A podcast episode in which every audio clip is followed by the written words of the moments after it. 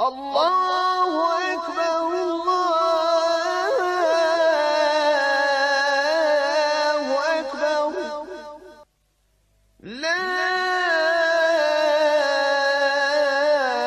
إله إلا الله. بسم الله والصلاة والسلام على رسول الله صلى الله عليه وسلم. Prošli puta smo završili Ovaj o ezanu, jel tako, i kametu. I od onoga što ostupa, znači društvo po pitanju onaj, onoga što je vezano sa sam edan ili je kamet. I rekli smo da ćemo danas govoriti, inša Allahu ta'ala, o odstupanju, znači muslimana, od onoga što je došlo u sunetu poslanika sallallahu alaihi wa sallame, propisa vezanih za džamiju. I rekli smo prošli put, ako se sjećate, prva stvar jeste, a prije nego što krenemo to, da pojasnimo, spomenut ćemo govor Allaha subhanahu wa ta'ala gdje kaže uzvišeni وَأَنَّ الْمَسَاجِدَ لِلَّهِ فَلَا lillahi fala اللَّهِ أَحَدًا ahada. Gdje kaže subhanahu wa ta'ala zaista džamije, mesđidi pripadaju Allahu subhanahu wa ta'ala. فَلَا تَدْعُوا مَا اللَّهِ أَحَدًا I nemojte slučajno da bi obožavali nešto drugo mimo Allaha subhanahu wa ta'ala. Nemojte slučajno da bi dovili nekome drugome mimo Allaha Đelešanuhu. Nemojte slučajno da bi stavili na istu ravan, isti stepen nekoga na kome se nalazi stepen Allaha subhanahu wa ta'ala i tako dalje. Vratit ćemo se na prvi dio kuranskog teksta gdje kaže subhanahu wa ta'ala, kao što smo navali, وَأَنَّ الْمَسَاجِدَ لِلَّهِ Zaista džamije su Allahovo vlasništvo. Lillahi. Pripadaju samo Allahu Đelešanu. Danas u islamskom svijetu čitavom džamije više ili manje su samo na papiru vlasništvo Allaha Đelešanu. I u svakoj zemlji gdje žive muslimani, neko komanduje tim objektom. Ako se ovako može da kaže. Ono što je došlo shodno šerijaskim tekstovima jeste da muslimani se moraju nadmetati ili takmičiti po pitanju brige oko Allahovih kuća. I ono što je došlo u kasnijim generacijama jeste takozvani ta'inul e'imme. ili postavljanje imama na njihova mjesta. A ono što je bilo prije u generacijama koji su bliže Allahom poslaniku sallallahu alaihi ve sellem, na ta mjesta su postavljali one koji su najpodobniji ne vlasti. Ne vlasti političkoj tada, ili šerijatskoj tada, nego oni koji su najpodobniji shodno onome što nošte u svojim prsima od znanja Kur'ana i znanja suneta Allahu poslanika sallallahu alaihi wa sallam. Danas toga više šta? Nema. I danas se u čitavom islamskom svijetu na poziciju imama postavlja onaj koji je podoban.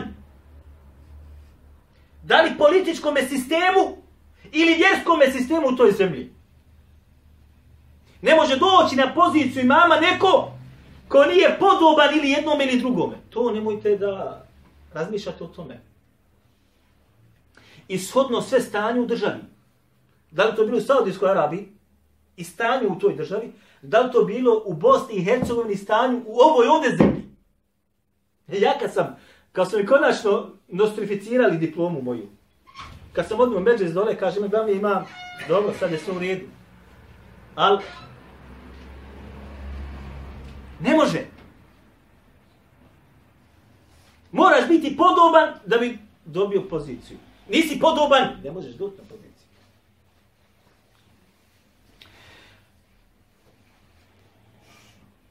Doćim prije, prije, ja sam govorio te hadith, gdje imam Buhari i ostali, kako Allah, kad je došla delegacija između ostaloga Allahume poslaniku sallallahu alaihi wasallam, koji su boravili kod Allahu poslanika određenog ime alaihi sallatu wasallam, Pa im je on rekao između ostaloga neka vas predvodi onaj koji je najučeniji Kur'an.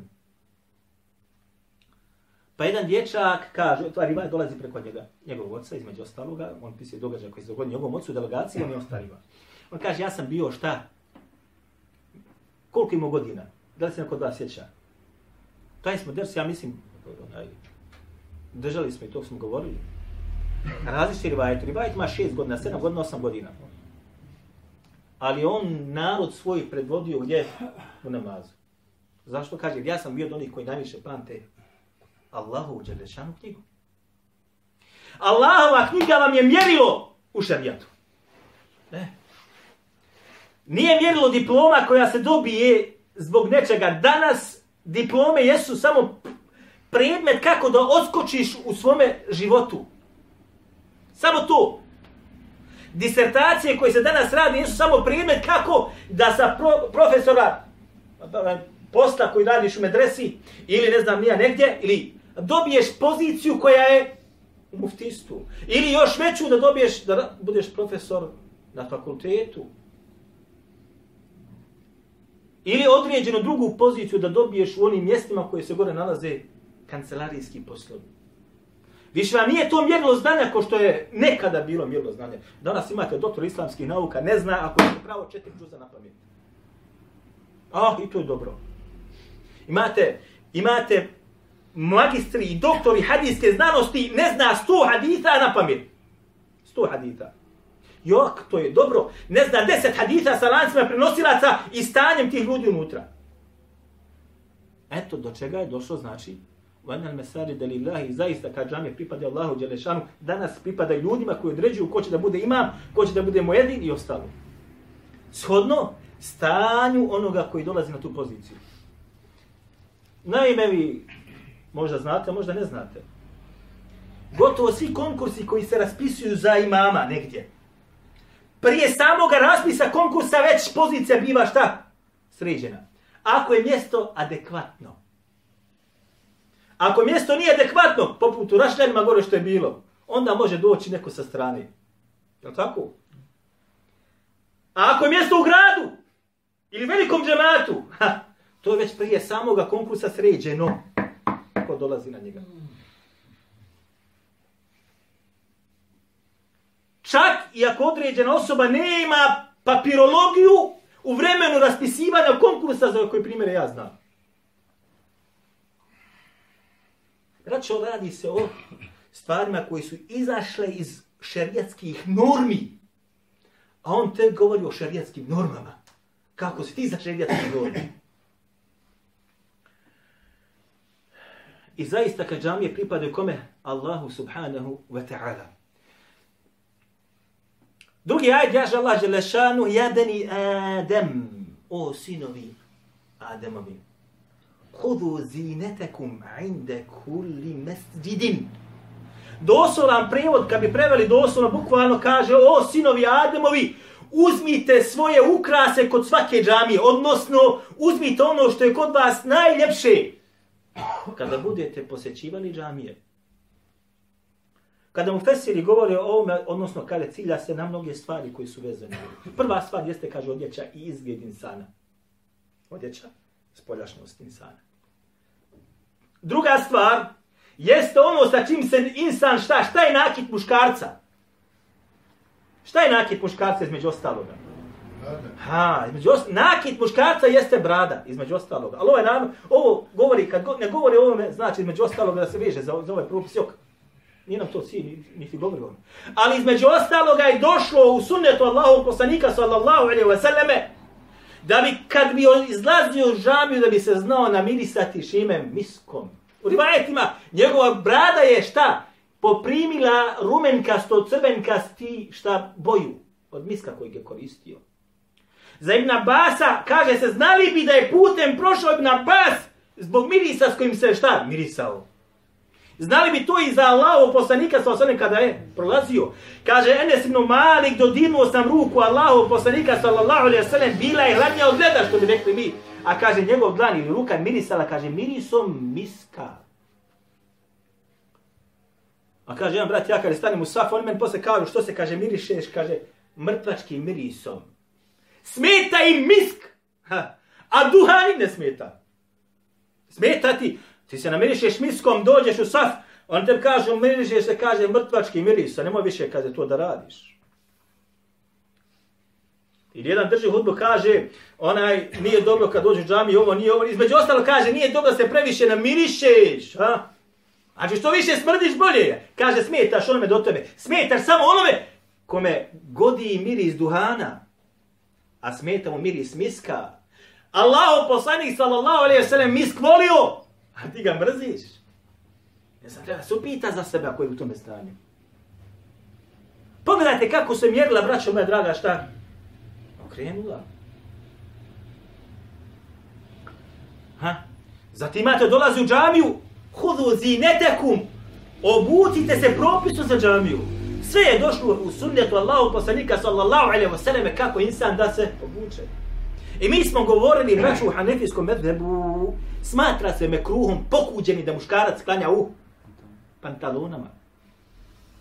Mekruhom pokuđeni, braću, u svakom hanefijskom delu koji govori o tome.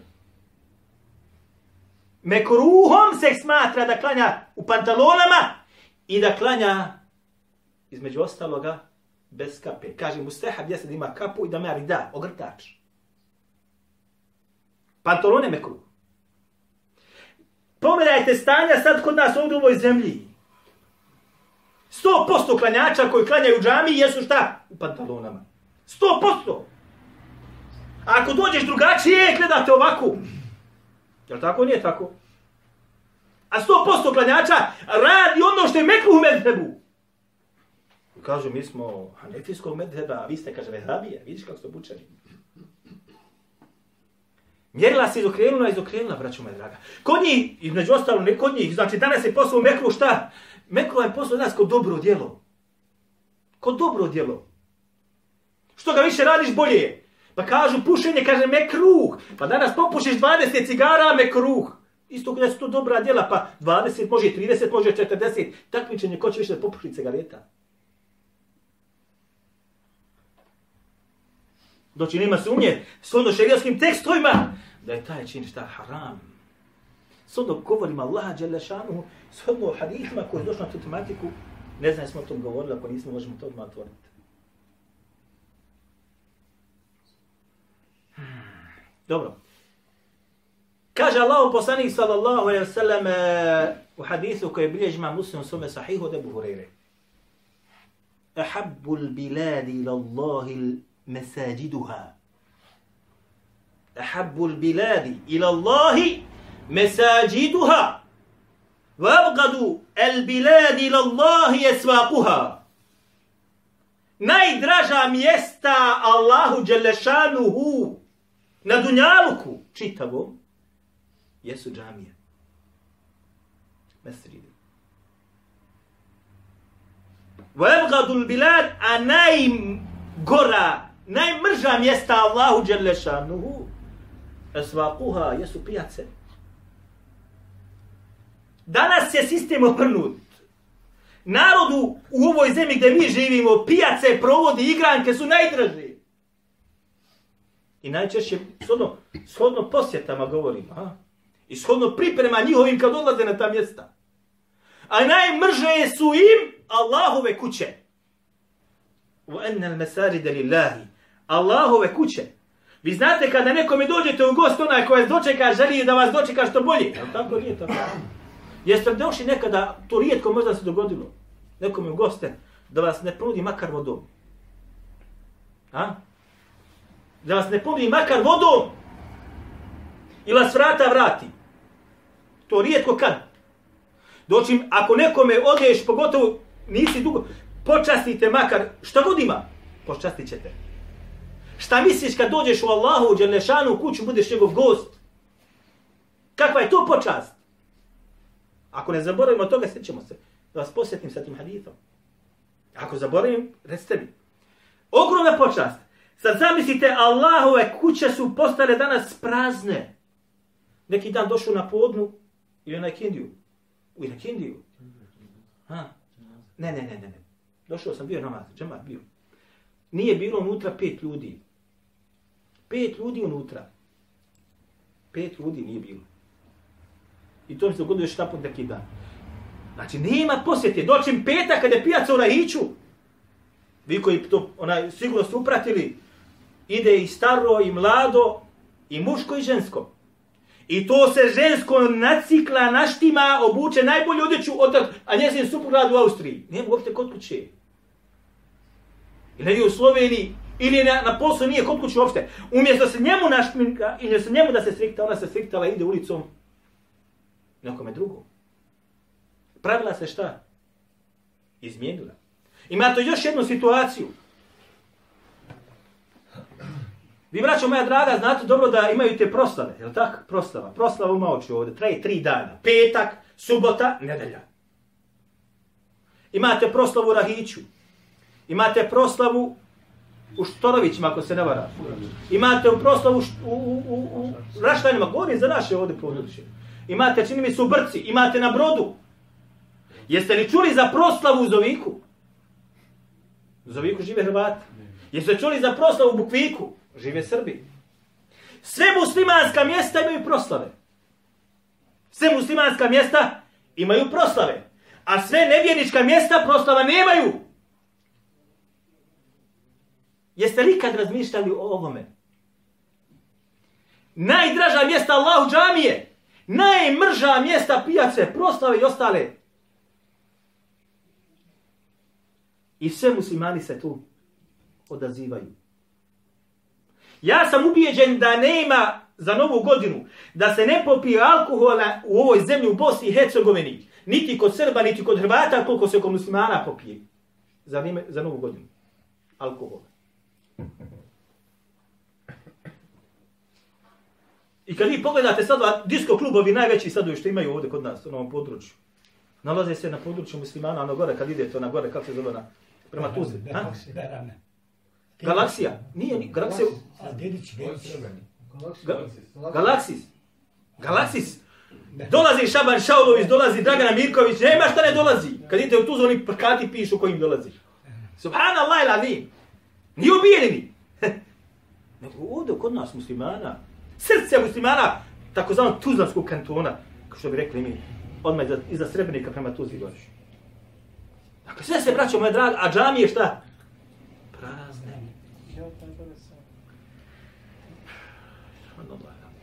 Imam Bukhari bilježi hadith u svome sahihu od Abu Hureyre da Allah poslani sa sallam rekao među ostalo. Sebatun yadhilluhum Allahu fi dhillihi jome la dhilla illa dhillu. Sedmoricu će, kaže Allah Đelešanu, hu staviti u svoj hlad na dan kada drugoga hlada neće biti osim njegovog. Sedmoricu ljudi. Sedam kategorija ljudi sedmoricu koju budu nosili osobine koje su spomenute unutra. Između ostalog, vaređulun, vaređulun i čovjek, kalbuhu muallakun fil mesajid. Muallakun fil mesajid. Muallak. I čovjek kaže čije će srce da bude obješeno u džamijama. Ovo sam do, maksu da do, u rivajat od imam Buhari, ima uh, verzija fi, mes, fi mesđidi, u mesridu. ali ovaj rivajt u množini, u džamijama. I čovjek čije srce obješeno u džamijama. Šta znači da srce čovjeka bude obješeno negdje? Vi znate sigurno, svi ste, kada ste se ženili, kada ste se htjeli ženiti, Vaše srce je bilo obješeno gdje? Kod one s kojim ste se htjeli ženiti. Je li tako ili nije tako? Što kaže mujo, pješke, kaže humce.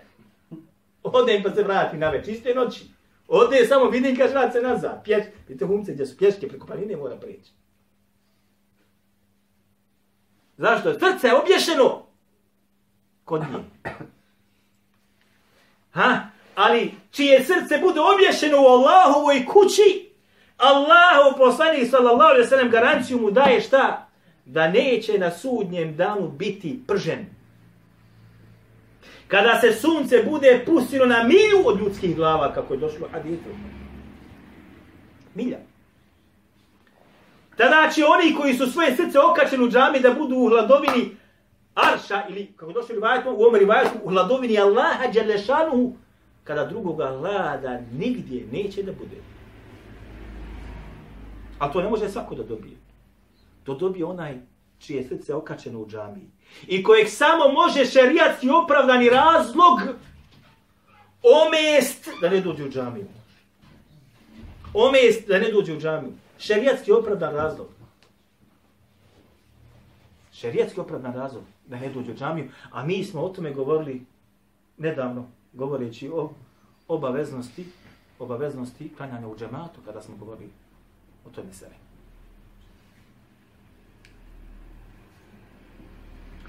Došlo između ostalog u hadithu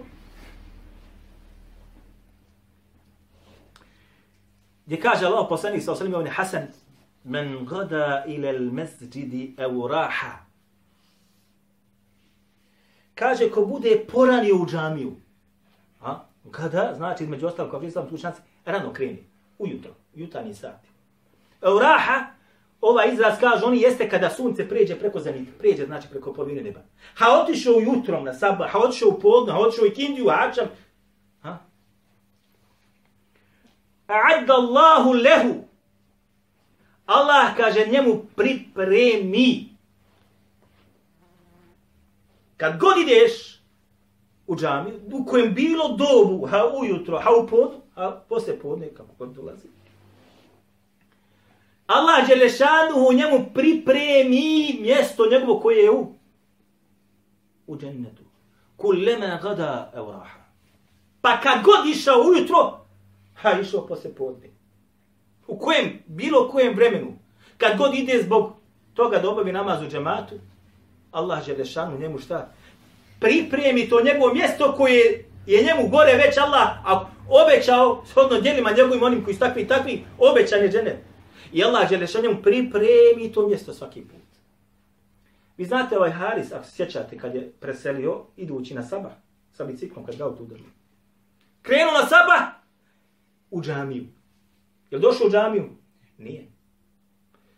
Men gada, ko bude poranio da ide u džamiju, njemu Allah već mjesto njegovo dženecko koje ga čeka nagradu džentu pripremi. Što bi rekli mi, ako preseli, čeka ga komentar. Ako preseli šta? Čeka ga. Stoga blago onom kome, ko na tome putu šta? I preseli.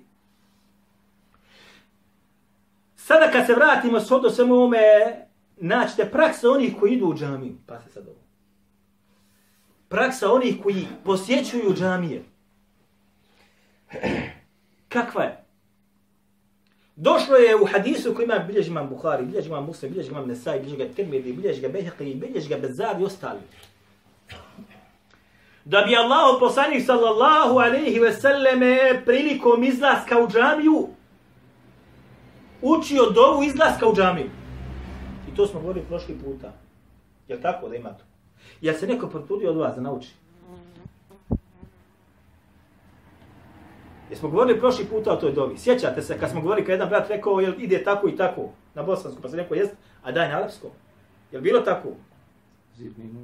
Jel vidno tako? Prošlo sedam dana, ima li neko da je za tih sedam dana uspio da nauči? I rekli smo da on je rekao da se nalazi gdje? Isto muslim. Onaj kod Buhari u svom njegovom... Pa smo govorili da imaš, čet, imaš bolan prodaj metak, svoj kupi se Buhari sahih. Tirmidhi, evo imamo ovdje Ebu Davudove sunne ne prodaju se, eno inko, gledajte, jedan, dva, tri, koliko ima zero tamo? Tri paketa, četiri. Tri, eto i tamo ti. Tri paketa. Niko da kaže, ba, možda se ovo kupiti. Niko da kaže, mogu posuditi. Primjera radi. Jo. A ne možete bez toga maknuti. Allahu poslanik sallallahu alejhi ve sellem podučio umet kada krenu u džamiju šta da kaže, ovi ko dolaze u džamiju, gotovo možda 99,9% ovo ne praktikuju. A kada bi znali prevod i vrijednost ove dove, i bretili bi se. Allahumma ja'al fi qalbi nura, wa fi lisani nura, wa fi sami nura, fi basari nura. Allahu moj, podaj mi svjetlo u mome srcu. Podaj mi svjetlo u mome jeziku. Podaj mi svjetlo u mome sluhu. Podaj mi svjetlo u mojim očima. U rivajetima, zatim kad Buhari ovaj završava, pa kaže, pa je rekao između ostalog prenostac, a ovaj rivajet ima između bilježi termini, wa fi asabi nura, u mome kompletnom živčanom sistemu, rivajetu muhi nura, u mome mozgu svjetlo. Svjetlo u živčanom sistemu. Lahmi nura, u mome mesu svjetlo. Demi nura, mojoj krvi svjetlo. Fi ša'ri nura, u svakoj mojoj dlaci svjetlo. Bešari nura, u svakoj mojoj koži svjetlo. Fi kabri nura, svjetlo u mome kaburu, fi idami nura, svjetlo u mojim kostima kad budem istruhao. Zar niko da se ne potrudi, ne ste vi jedini. Mnogo i onih koji su studirali, nisu se osvetali na ovu. Niti se osveću na ovu. A kada nisam znao vrijednost toga, jadmio bi da to nauči. Makar proveo i proveo i proveo, ali će naučiti. Nema, braćo, šta se ne može naučiti. Nema šta se ne može naučiti. Nema šta se ne može naučiti, vjerujte mi. Allah ti, ako ti Allah olaša, ako imaš iskren nijet, Allah će ti olaša da zapamtiš i naučiš. Imaš li drugi nijet? Teško. Muči. Tegoba. He, neki dan jedan kaže ovdje, kad ušimo težbi, nema, nema brata. Pa između ostaloga, malo sam ga ispitivao što smo učili. Koje je ovo pravilo, koje je ovo pravilo? Pa kaže on, danas mi kaže, bilo lakše kopo šta je radio, čitav dan, je li tako bilo Ahil Karim? Evo bio je on. Nego kaže ovo, je li tako bilo u tom kontekstu? Znanje je teško, ali je slatko. Od znanja korist imaš. Od motike i krampe i budaka leđa stradaju. A ništa naučio nisi. Samo nešto dunjavki ćeš zaraditi. Sa znanjem nećeš propast. A mnogi učenici, braćo moja draga, i danima znali nisu da jedu. Na danima nisu znali da jedu. I kao siromasi otišli sa Dunjaluka. Ali su kapital ostavili meni i tebi, ali da mi nećemo. Jeste čuli za jednog poslanika ili vjerovjesnika koji, iako mu je Allah Đelešanu dao što je dao, Suleiman imao vlast koju niko nema. Vlast koju niko nije imao, ni će imat. Ali jeste čuli da je on bio bahat, da je on jahalice ganjao da budu onaj bolji od konja koji su bili tada kao konji kao jahalice. Ili da je gradio, gradio i gradio toliko i toliko što mu ne treba. A najbolji primjer imate u našem vjerovjesniku Muhammedu sallallahu alaihi wa sallam, koji je primjer svih vjerovjesnika i poslanika I njegov život, kakav je bio, i njegovu smrt, na čemu ga je zatekla ali je ostavio za sebe miraz koji muslimani danas neće. Nastavit ćemo inša Allah u našem sljedećem druženju. Ima toga još. أقول قولي هذا وأستغفر الله لي ولكم الله